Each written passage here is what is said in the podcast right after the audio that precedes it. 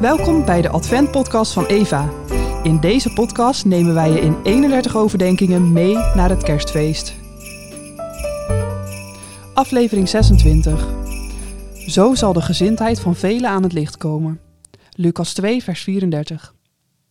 Kerst is het feest van het licht, omdat er ook zoveel aan het licht komt.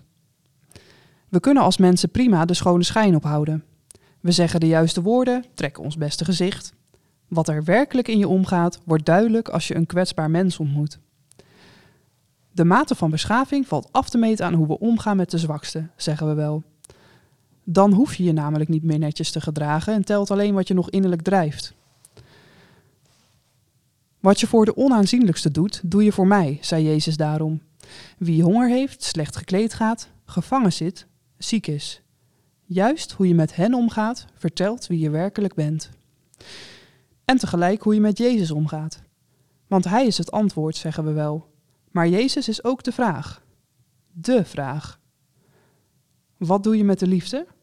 Telkens als je Jezus ontmoet, vermomd als een kwetsbaar mens wellicht, stelt Hij die vraag.